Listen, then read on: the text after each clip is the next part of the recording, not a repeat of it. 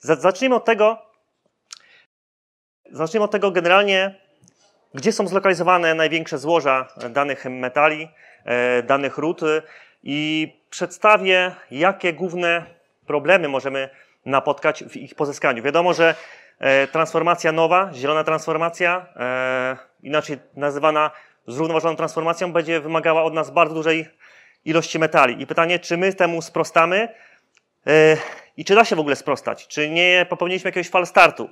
E, I myślę, że moja prezentacja może poniekąd na to e, odpowiedzieć. Jeżeli chodzi o miedź, to największe złoża są e, w Chile, później mamy jeszcze Australię, oczywiście Ameryka cała, Ameryka Środkowa jest bogata, bogata w miedź. Jeśli chodzi o, o ten akurat metal, jest to, mm, jest to metal, który z perspektywy społeczności coraz gorzej jest widziany w Ameryce południowej i środkowej. Głównie pod tym kątem, na tym, y, na, nawet chyba ten temat bardziej rozbierałem na Metalversie numer dwa. E, to jest metal, który mm, wywołuje sprzeciw mieszkańców, którzy e, ponoszą jakieś tam koszty środowiskowe, ponoszą koszty finansowe, zdrowotne odnośnie e, przez właśnie wydobywanie tego, tego metalu, zwłaszcza w Peru. Jest bardzo dużo strajków z tego powodu. Druga rzecz, drugi, drugie państwo to jest Chile. Chile, które zmaga się z ogromną suszą. Największa susza od set lat. 13 rok z rzędu Chile zmaga się z największą suszą w swojej historii e, i obecnie ma do 2050 roku szacuje się, że będzie 50% mniej opadów. E, teraz już jest w ostatnich kilku, kilkudziesięciu latach 30% mniej opadów. Tak więc e, działalność jeszcze w Chile, znaczy w Chile generalnie sprawa z wodą wygląda tak, że to jest kraj, który jest najbardziej sprywatyzowany, jeśli chodzi o kwestię wody. I jeśli przychodzi nam mm, prywatna firma, zarządza nam wodą, e, zamiast kierować ją do miast, do wiosek, to kierują ją na przykład na e, uprawę awokado, bo mają do tego prawo, a na przykład wioski zaopatrują w cysterny.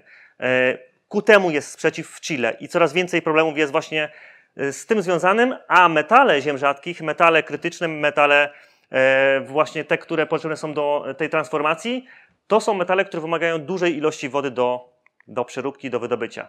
E, pokrótce, jak wygląda tutaj e, podaż i popyt. E, ta czerwona linia to jest oczekiwana, tak, oczekiwane minimum właśnie zapotrzebowania, natomiast ta granatowa wyżej to jest linia, która pokazuje, co jest, gdyby, ile miedzi musielibyśmy mieć, żeby spełnić oczekiwania unijne, te wszystkie dyrektywy, mówimy o roku 2000 50 i o tej redukcji emisji gazów cieplarnianych, tak? To nie podołamy, jeśli chodzi o podaż miedzi.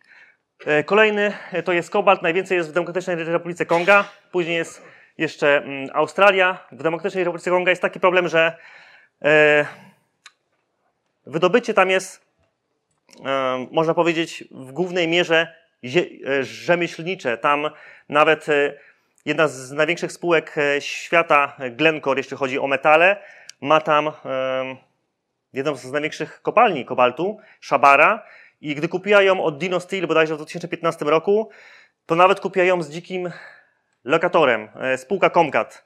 E, około 20 tysięcy chyba pracowników, takich rzemieślniczych, którzy łupią ten, te skały, wydobywają ten kobalt i nie można ich wygonić. Dlaczego? Ponieważ mają koncesję, mają pozwolenie na, na, poprzedniej spółce, czyli tej Dino Steel. Natomiast e, obecna spółka, czyli Glencore, nie może ich wygonić, ponieważ e, wydobywają legalnie tam kobalt u nich. Więc taki jest problem i spółka Glencore próbuje ich wykurzyć w wszelakie sposoby pod pretekstem e, jakichś tam ulepszeń, inwentaryzacji pod kątem E, przebudowy kopalni pod względem bezpieczeństwa, żeby spełnić wymogi, bo obecnie kopalnia tych wymogów nie, nie, nie, spełnia. I co jeszcze? No oczywiście są jakieś tam brudne zabiegi, typu wrzucanie jakichś tam jadowitych węży do, do właśnie tych wyrobisk, żeby wy, wykurzyć tych e, nielegalnych górników. Natomiast problem jest generalnie taki, że każdy chce obecnie zapomnieć o e, Demokratycznej Republice Konga, odejść od Kongo, żeby nie żeby te korporacje, które pozyskują tam kobalt, żeby ich nie kojarzono właśnie z, z DRK. Y, dlatego, a tu jeszcze, dlatego y, świat skupia się na innych kilku krajach, na przykład Indonezja, która chce zwiększyć swoje wydobycie trzydziestokrotnie w ciągu najbliższych 7 lat.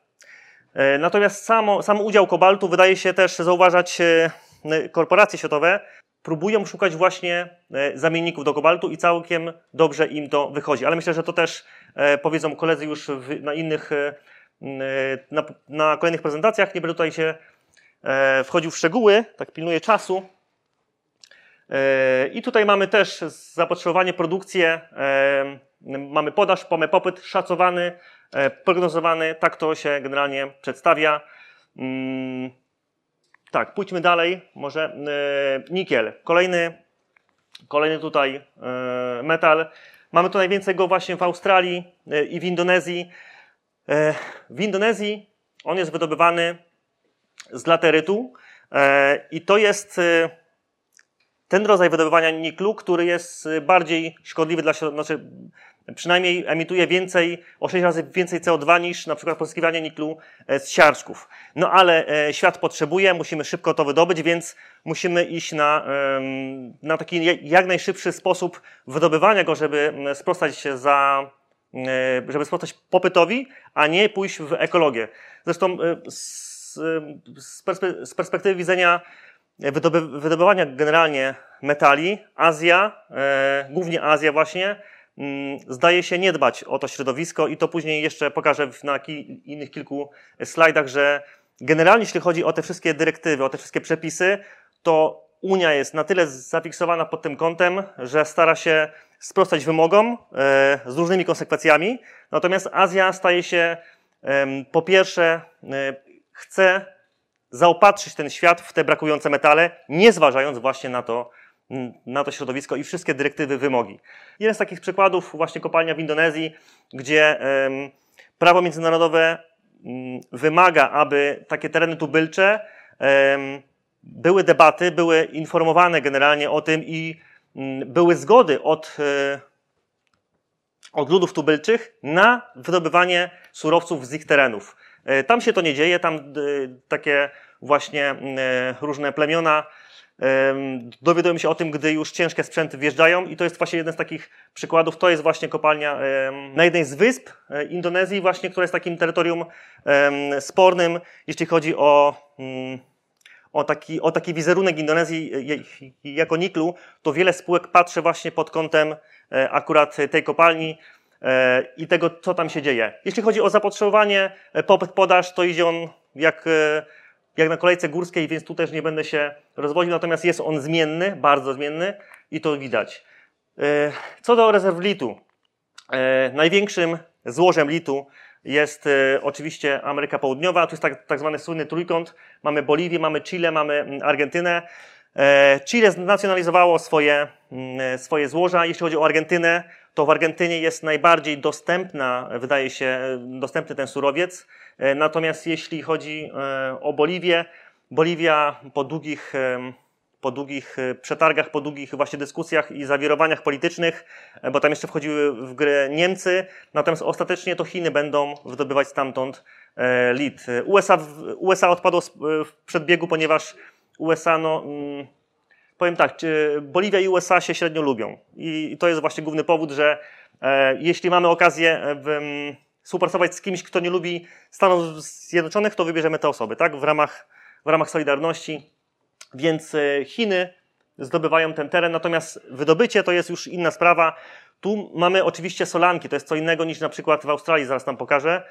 Solanek, tak to wygląda mniej więcej, czyli y, wydobywanie w tym trójkącie przynajmniej solanek wydobywa tak, wygląda tak, że e, wypompowuje się to, co jest z dna e, na przykład jeziora, a to jest właśnie jedno e, największe jezioro solankowe na świecie, wydobywa się z dna na powierzchnię, na powierzchni już się tą razem z wodą osusza i wtedy się pobiera ten materiał, oczywiście podając kolejnej, kolejnym przeróbkom, używając do tego chemii.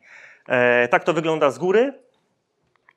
E, tak więc tu też problem polega na tym, że e, region ten, tak jak już wspomniałem wcześniej, wymaga, e, wymaga zmaga się z dużymi suszami. Zresztą, zresztą sam ten teren jest położony w takim miejscu, gdzie jest na przykład pustynia Atacama, jedno z najbardziej suchych miejsc na Ziemi, więc dodatkowe wszystkie kopalnie, wszystkie działalności górnicze, które są związane z pozyskiwaniem dużej ilości wody, z racji ludności tam nie mają racji bytu. Dlatego oni się sprzeciwiają i dlatego tam jest głównie z tym problem.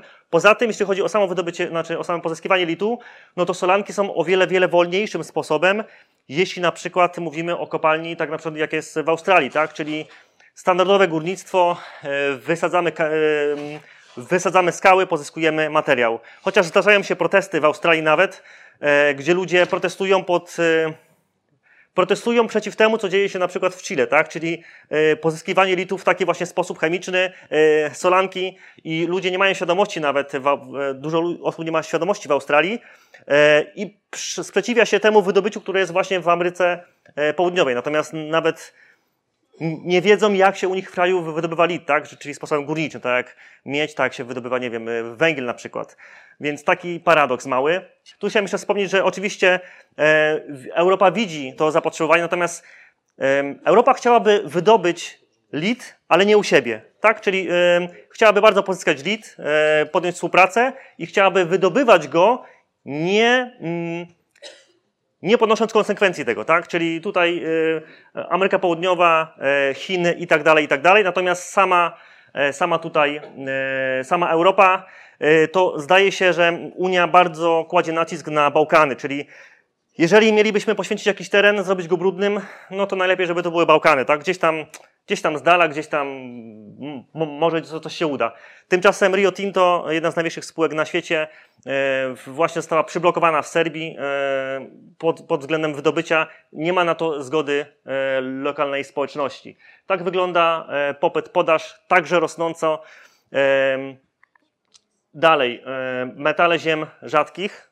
Tutaj oczywiście Chiny mają największe zasoby złoża, są też największym producentem, też najwięcej przetwarzają. I jeśli mówimy o metalach ziem rzadkich, no to Chiny rzeczywiście ponoszą bardzo, bardzo wysokie, bardzo duże konsekwencje. 10% pól uprawnych jest skażone e, w Chinach, 80%, około 80% wód e, gruntowych e, także jest skażone. No i Chiny jeżeli chciałoby się zrobić jakiś program generalnie albo odwiedzić to miejsce, e, no to terytoria te są bardzo pilnowane, czyli nie za bardzo wpuszczają ich e, ludzi z zewnątrz, żeby cokolwiek e, robili zdjęcia, nagrywali filmy o tym, jak to fajnie tu się wydobywa metale rzadkie, tak? Czyli generalnie z wielu fabryk świat się chrzci, tak?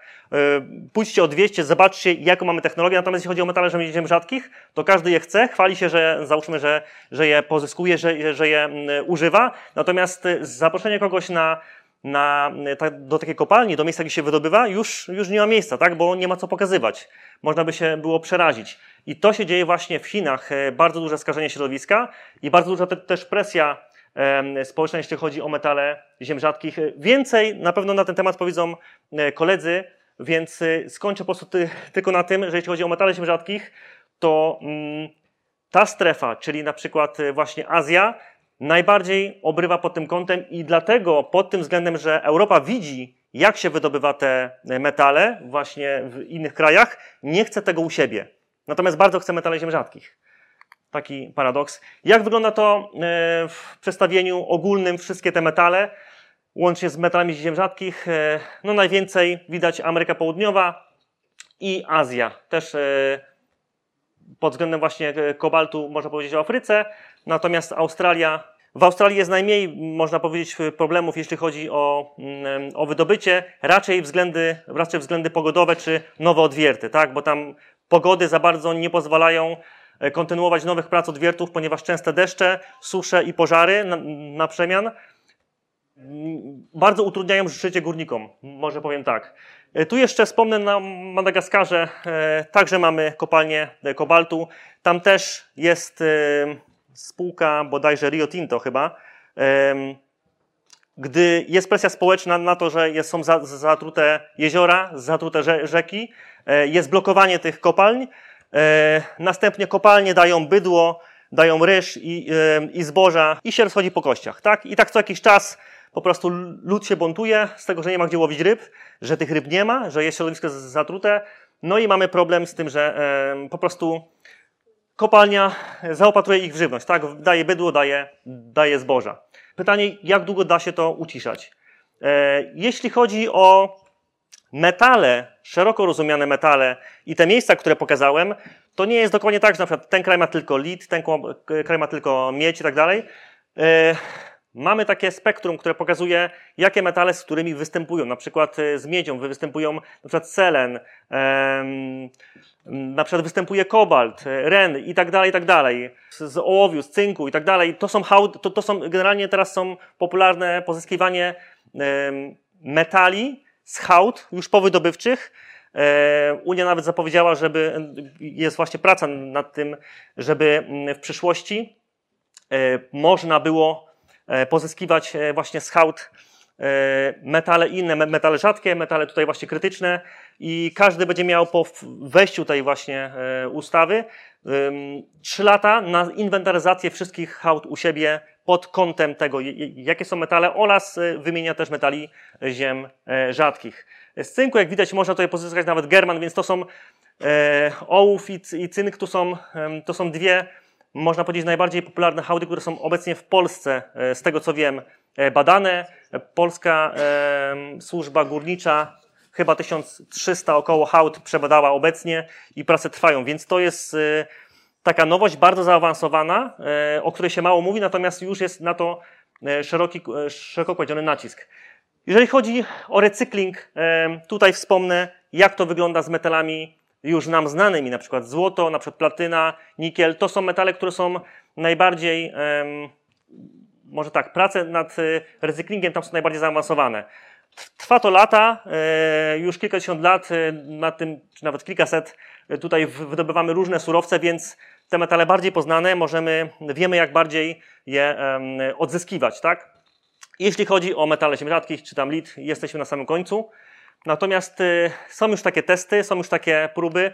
Y, Stany Zjednoczone walczą, y, znaczy walczą, z, z, mogę porównać Stany Zjednoczone do, do Chin. To samo, co tu widzimy, te wszystkie wykresy, jak można odzyskiwać kobalt, lit czy nikiel, tak będzie procentował się procentowy ich odzysk, natomiast ta, to samo, co, robi, co robią Stany Zjednoczone, jest prawie o połowę tańsze w Chinach.